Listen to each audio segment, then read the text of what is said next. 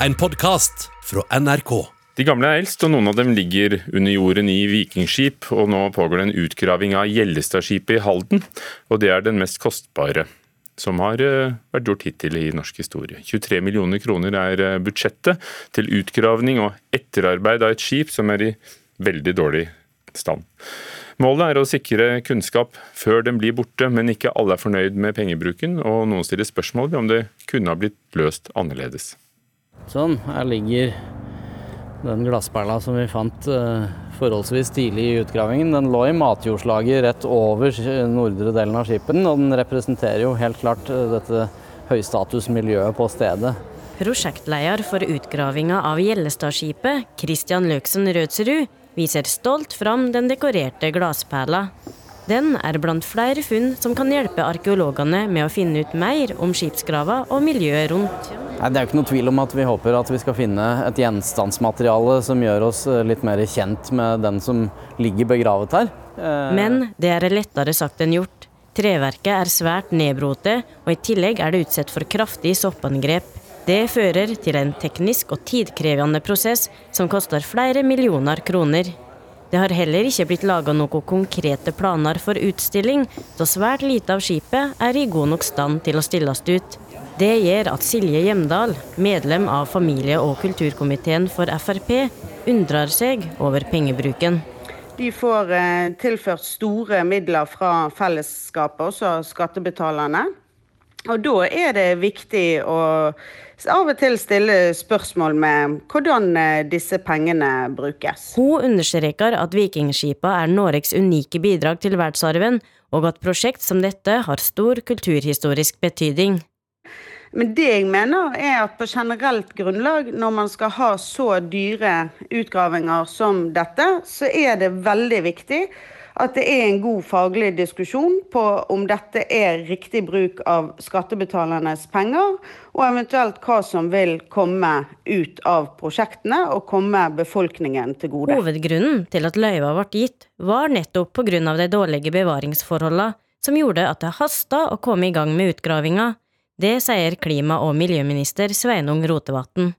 Svært verdifull kildekunnskap om dette vikingskipet var i ferd med å gå tapt, og regjeringa ønsket derfor å bidra til at utgravinga kunne bli satt i gang eh, raskt. En av årsakene til at det koster mye penger, er fordi det blir brukt ny, moderne teknologi, bl.a.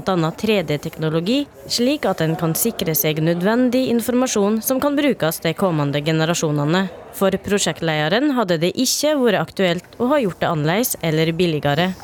Nei, Vi mener at det er et, eh, helt, et veldig realistisk estimat som er gjort. Og det er så stor internasjonal og nasjonal interesse for det at uh, hvis vi ikke hadde gjort dette her etter alle kunstens regler og brukt de teknikkene og eh, metodene som finnes anvendelig, så, så, tenker jeg at uh, både publikum og forskningsmiljøet ville fordømt oss for å ikke gjøre det godt nok. Så, så det må vi bare gjøre. Det sa Christian Løksen Rødsrud til vår reporter Oda Elise Svelstad. Kulturkommentator Agnes Moxnes, er dette riktig bruk av pengene?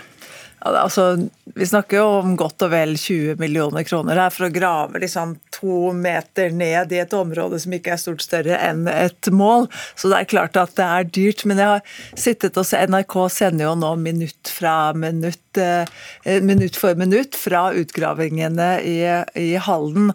Og det er jo lett å se at dette her går Altså det er både krevende og møysommelig arbeid. Og så er det sånn at kvaliteten på den jobben som gjøres nå, er jo, eh, vil i stor grad avgjøre om det var verdt det eller ikke verdt det. Og det er jo først da vi kan konkludere.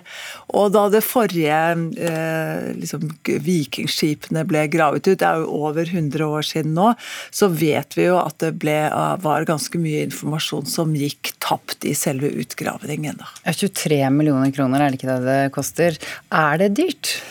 Ja, det er, det er, dyrt, og det, er, det sies at det skal være den dyreste utgravingen noensinne. Eh, forrige gang hadde man liksom spade og koste og lupe når man holdt på med, med utgraving. Eh, nå er eh, teknologien mye mer avansert, sånn som vi hørte i denne reportasjen her også. Man skal analysere alt, liksom hva jorda inneholder. Det er DNA-analyser av, av, dyr og, og, mennesker. Hva spiste de, hva slags samfunn er det som kommer ut av disse funnene her? Eh, var Gjellestad-skipet var det et seilskip eller var det et roskip? Mye tyder på det siste fordi det er så, så, smalt. Hvor ble det bygget? Man sjekker årringer, og man mener vel at det treet som ble felt da, for å hugge ut eh, kjølen, det har vokst en eller annen gang mellom 603 og 724 år etter Kristus. Ok, så det er faktisk en del ting man kan sette strek under her også. Nesten i hvert fall sånn noen hundre år fra fra eller til eller fra. Men du, FrPs Silje Hjemdal hun spør om uh, slike utgravinger faktisk kommer skattebetalerne til gode. Hva er svaret på det? Ja, Det kommer jo litt an på hva hun mener med hva som er verdifullt for skattebetalerne. Det er jo opplagt at det er mange som tenker kommersielt når det handler om, om vikinger. Vikingtiden og tidlig middelalder er jo blitt liksom har gitt Skandinavia en identitet og blitt mer og mer populært eh, over hele verden. Det er jo liksom den ene serien, om det nå er drama eller dokumentar, avløser, jo den andre.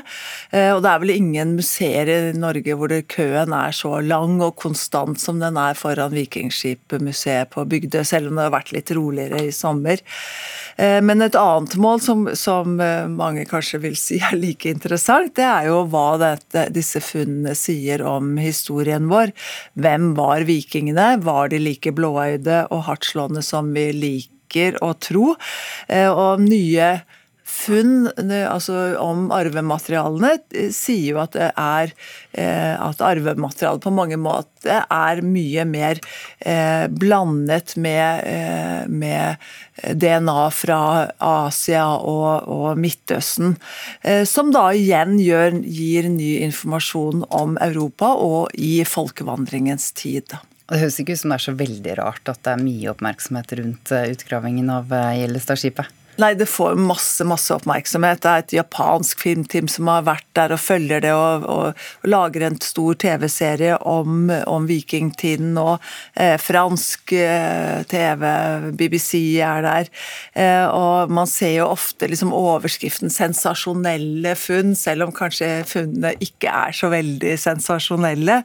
Eh, men det ser man jo, det appellerer jo veldig til politikerne også. sånn at det jo, var jo da miljøvernminister Sveinung Rotevatn som tok det første spadetaket for utgravningene på Gjellestadskipet. Og det fører vel igjen, da, til, for å snakke om pengebruken her, til at pengene sitter litt løsere, eh, og at det er litt lettere å få penger til vikinger for tiden enn det er til en del andre kulturminner. Takk, kulturkommentator Agnes Moxnes. If you're watching because you love me, thank you. If you're watching because you don't love me, welcome. How was everybody's summer? Good? Yeah? Velkommen også til de som ikke elsker meg, sa Ellen DeGeneres idet hun hadde premiere. Ny sesongpremiere på TV-programmet The Ellen Show, er det ikke det det heter? Det går på TV3 i Norge. Hun har jo fått eh, priser og utmerkelser, eh, er en veldig kjent figur med sin korte, lyse lugg. Eh, hun har visstnok stått i mediestorm under eh, sommeren, og nå får hun kritikk. Og hvorfor, kulturreporter Aida Korami? Ellen DeGeneres startet sin 18. sesong med en monolog på The Ellen Show, hvor hun unnskyldte seg for sin oppførsel og for hvordan de ansatte har blitt behandlet under programmet. Ifølge The Hollywood Reporter er det flere som nå har kritisert unnskyldningen for å være halvhjertet og tonedøv, blant annet tidligere ansatte på showet. De anklager DeGeneres for at hun tar lett på situasjonen og tuller vekk beskyldningene. Men hva er det hun unnskylder seg for? I juli i år kom det en rekke beskyldninger mot programlederen i en artikkel på BuzzFeed. Det var flere ansatte som meldte om en dårlig arbeidskultur som var skapt av DeGeneres selv. F.eks. at de ansatte ikke kunne se programlederen i øynene, og at de ble straffet hvis de hadde sykefravær. Er det blitt uh, noen endringer, da? Det ble satt i gang en intern gransking hvor tre produsenter ble sparket.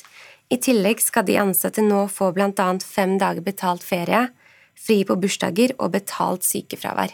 Det kan vi tenke på hvis vi ser på The Ellen Show, som også går, går på norske skjermer. Også takk skal du ha, Aida Korami. Og så åpnet i helgen det som har ergret folk i 133 år. Ja, jeg kom i skade for å si at den skulle åpnet i helgen, men jeg har da avslørt altså at jeg ikke har vært og sett testutstillingen ennå. Den, den, åpnet eh, forrige helg.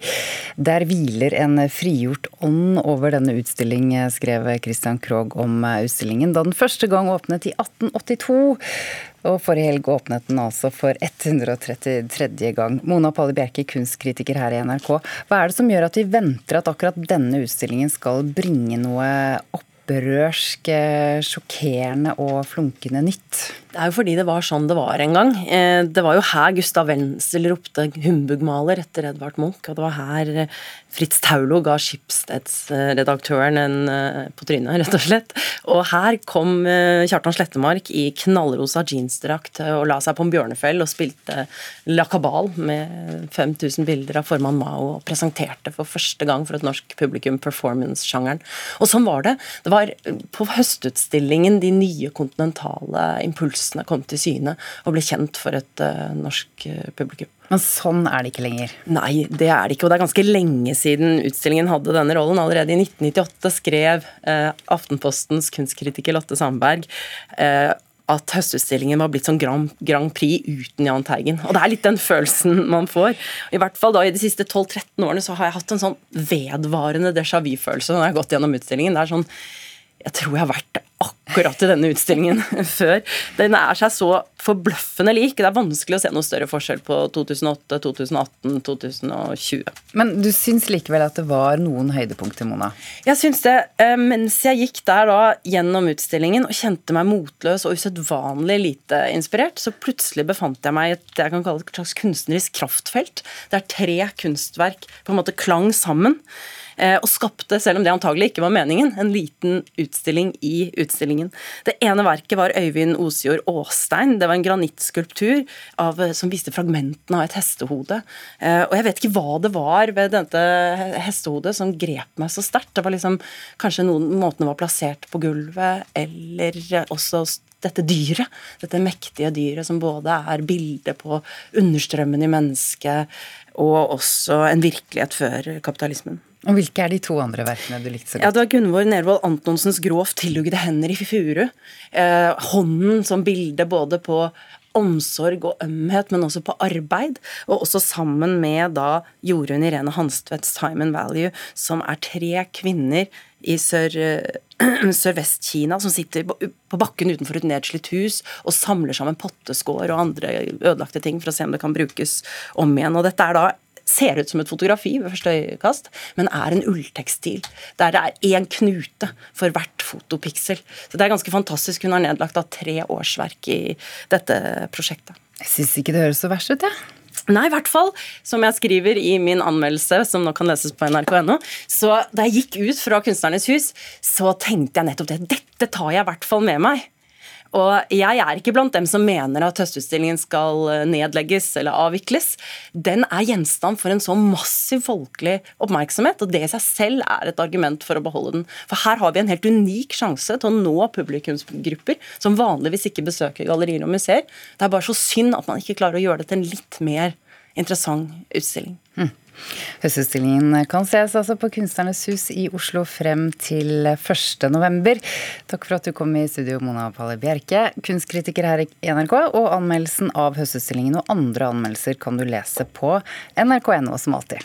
Du har hørt en podkast fra NRK. Hør flere podkaster og din favorittkanal i appen NRK Radio.